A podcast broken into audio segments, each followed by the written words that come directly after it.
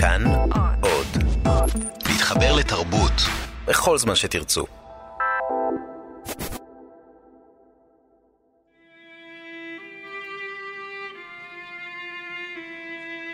שם המדינה זיזי מאמה.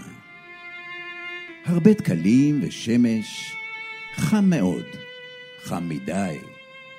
תבינו בעצמכם שזה לא יכול היה לקרות בשום מדינה אחרת.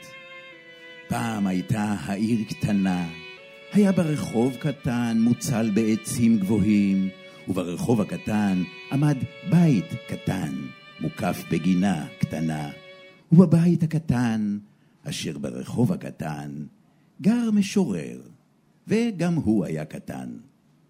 בוקר בוקר היה המשורר מקיץ משנתו, ולאחר שהתרחץ וסעד פת שחרית, היה יושב אל שולחנו וכותב שירים.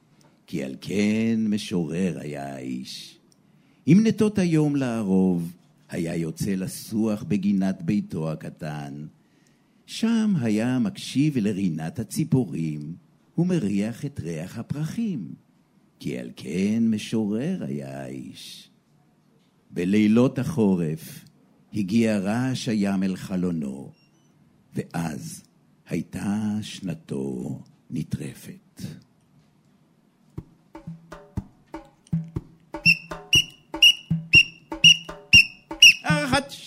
שלוש, ארבע, ימין, ימין, שלוש, ארבע, שמאל, שמאל, שלוש, ארבע, פוף, פוף, שלוש, ארבע, פוף, פוף, שלוש, ארבע, הרים ידיים, לא שרבה, יותר במרץ, לא שרבה.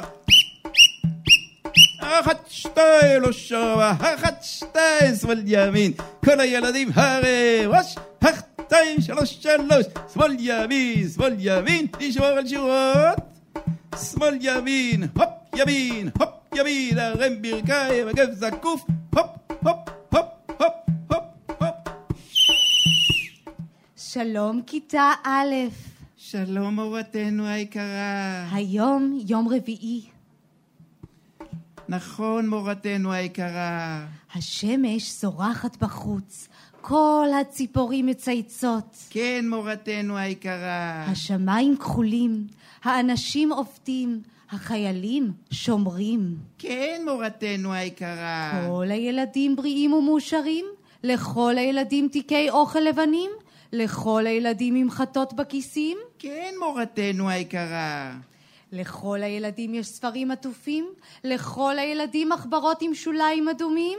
כן מורתנו היקרה. ועכשיו, ילדים יקרים, נלמד על משוררנו הלאומי.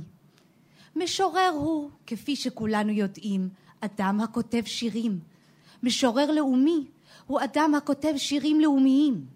שירים לאומיים הם שירים שכותב אותם משורר לאומי. שיר לאומי, כפי שכולנו יודעים, הוא שיר המבטא רגש לאומי. רגש לאומי, דבר נעלה ומלא רגש. רגש לאומי הוא הדבר הנעלה שאדם מרגיש בשעה שהוא חי או מת באופן לאומי. לחיות ולמות באופן לאומי זה מה שעושים האנשים הלאומיים. המשורר הלאומי חי ומת באופן לאומי.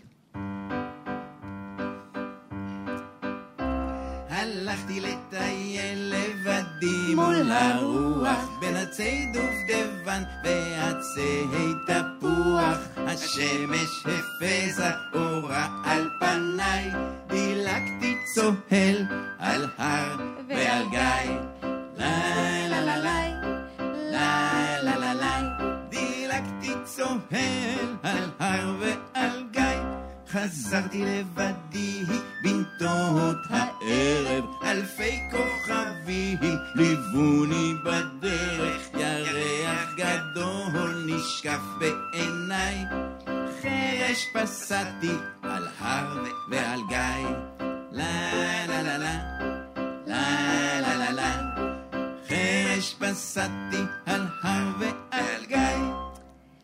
ועכשיו, ילדים יקרים, אחרי שלמדנו את שיר האביב הלאומי, המתאר את ההיסטוריה הארוכה של עמנו הקטן, הכינונו לכם הפתעה.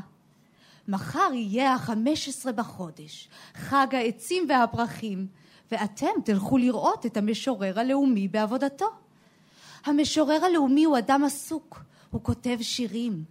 חלילה לכם להפריע לו, חלילה לכם לחטט בארונות שלו, או להשליך קליפות ופירורים על רצפת ביתו. אני תקווה שהתנהגותכם תשמש אות ומופת לילדי בית הספר האחרים. אוי, אני תקווה שהמשורר הלאומי יהיה שבע רצון מביקורכם. אני תקווה שהוא יאהב אתכם. אני תקווה שהוא יקדיש לנו שיר, אולי אפילו שיר לאומי. ולא לשכוח להצטייד בסנדוויצ'ים ומימיות ליום אחד.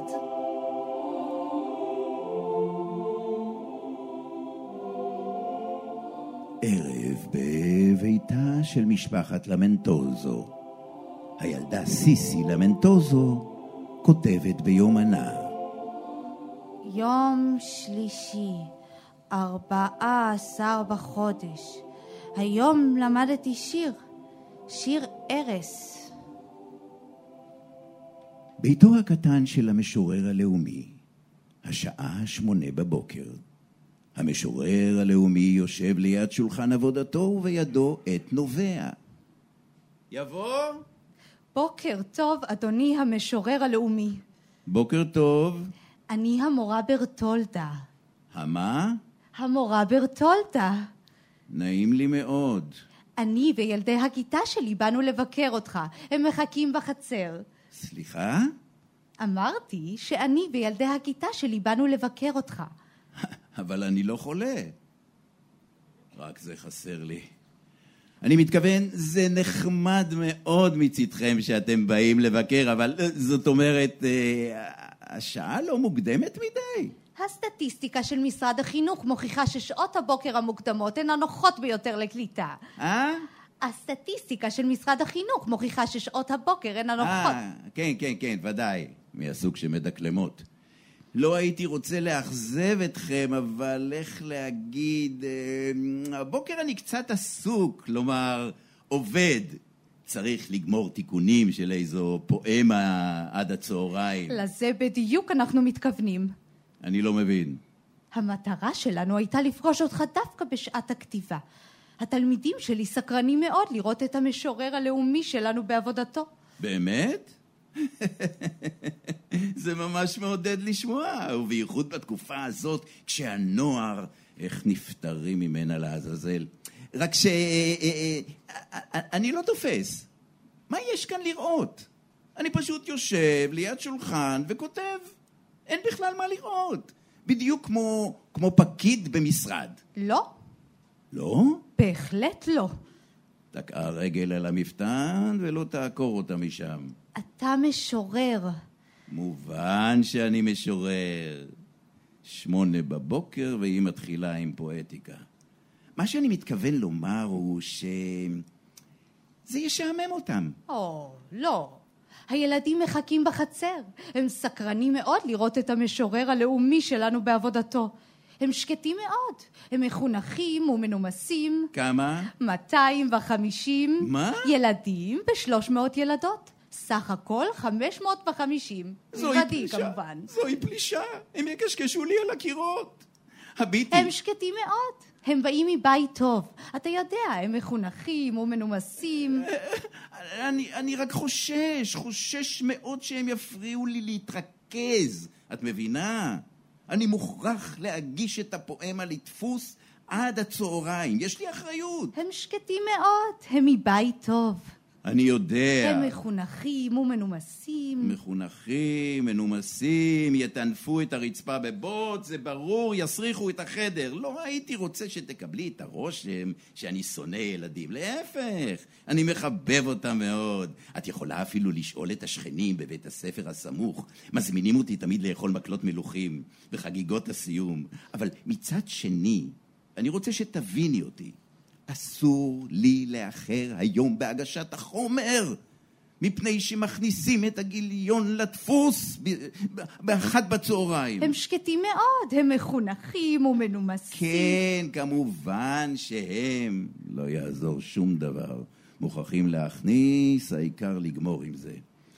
טוב, בבקשה, את יכולה להכניס אותם. רק אה, כמובן. שלא... אבל כמובן. כמו שתיארתי לעצמי, קרסוליים נפוחים. החינוך יורד. חרש חרש על בעונות רגליהם נכנסים ילדי הכיתה אל חדר עבודתו של המשורר הלאומי ויושבים סביבו. המורה ברטולדה, יש לי שאלה אלייך. כיצד הצליחו 550 ילדי כיתתך להיכנס לחדרו הקטן של המשורר הלאומי? תנו לי 550 ילדים מחונכים ומנומסים, ואני מכניסה אותם לצנצנת. נאום המורה ברטולדה. השעה שמונה וחצי בבוקר. הילדים מביטים במשורר הלאומי. המשורר הלאומי מביט בילדים. יושבים ותוקעים עיניים. הביטו בו. הביטו בו. הביטו היטב. עכשיו הוא חושב. הוא חושב. הביטו איך המשורר הלאומי שלנו חושב. למה היא לא סותמת את הפה? הוא ממלמל. המשורר הלאומי ממלמל. פליק. ממלמל וחושב. הביטו בו היטב. פליק אחד על הפה הגדול שלה, והיא עפה החוצה עם הילדים ביחד. הוא חושב. כל הילדים להסתכל איך המשורר הלאומי חושב. היא לא תיתן בשום אופן להתרכז. והם עם הלשונות בחוץ, 550 לשונות. המצח שלו מקומט ממחשבה. שככה יהיה לך טוב. הבליטה על המצח. Mm, עכשיו היא עברה לבולקלה על המצח. כולם רואים את הבליטה. זו שמצד ימין, כן, לא צריך להתקרב, היא מספיק גדולה. בליטה על מצחו של משורר לאומי נוצרת כתוצאה מעומס מחשבות. ומה עם הגידול שלך על הסנטר? העיניים מהורהרות, היא שכחה את השומה על האף. השומה השחורה על האף. בכל זאת. שומה שחורה על אפו של משורר לאומי נוצרת כתוצאה מהתבוננות בטבע ביום שמש. היא לא תזוז מכאן, ואני הבטחתי לו את החומר עד הצהריים. הביטו בעיקר על העיניים. אבל בעצם, למה אני צריך להרוג את עצמי תמורת 30 גרוש לשורה? העיניים משוטטות על פני החדר. חסר לי רק, חסר לי רק שיקשקשו על הקירות. סיידו בחודש שעבר. הוא חושב, הוא מרוכז. 240 שורות לפי 30 גרוש לשורה נותנות פחות מ-80 לירות. כולו מרוכז. היה מנדנד לי פעמיים בשבוע לומלייר. שאכנס איתו לעסקים, על הברכיים התחנן, ואני צחקתי. חשבתי ששירים זה יותר מקרקעות, ובתוך כך בא נשר גדול. או, נשר גדול. איך אני ממשיך את זה מכאן? לעזאזל. הם בלבלו אותי לגמרי. אני חושב שעתיים על השורה הזו, ולא יכול להתקדם. לום ראייר, לום מאייר. הוא איש עשיר עכשיו, ולא פחות לאומי ממני. אצלו לא באים לרחח מבית הספר כשהוא עושה חשבונות. עכשיו מאוחר מדי. ובתוך כך בא נשר גדול. תודה רבה.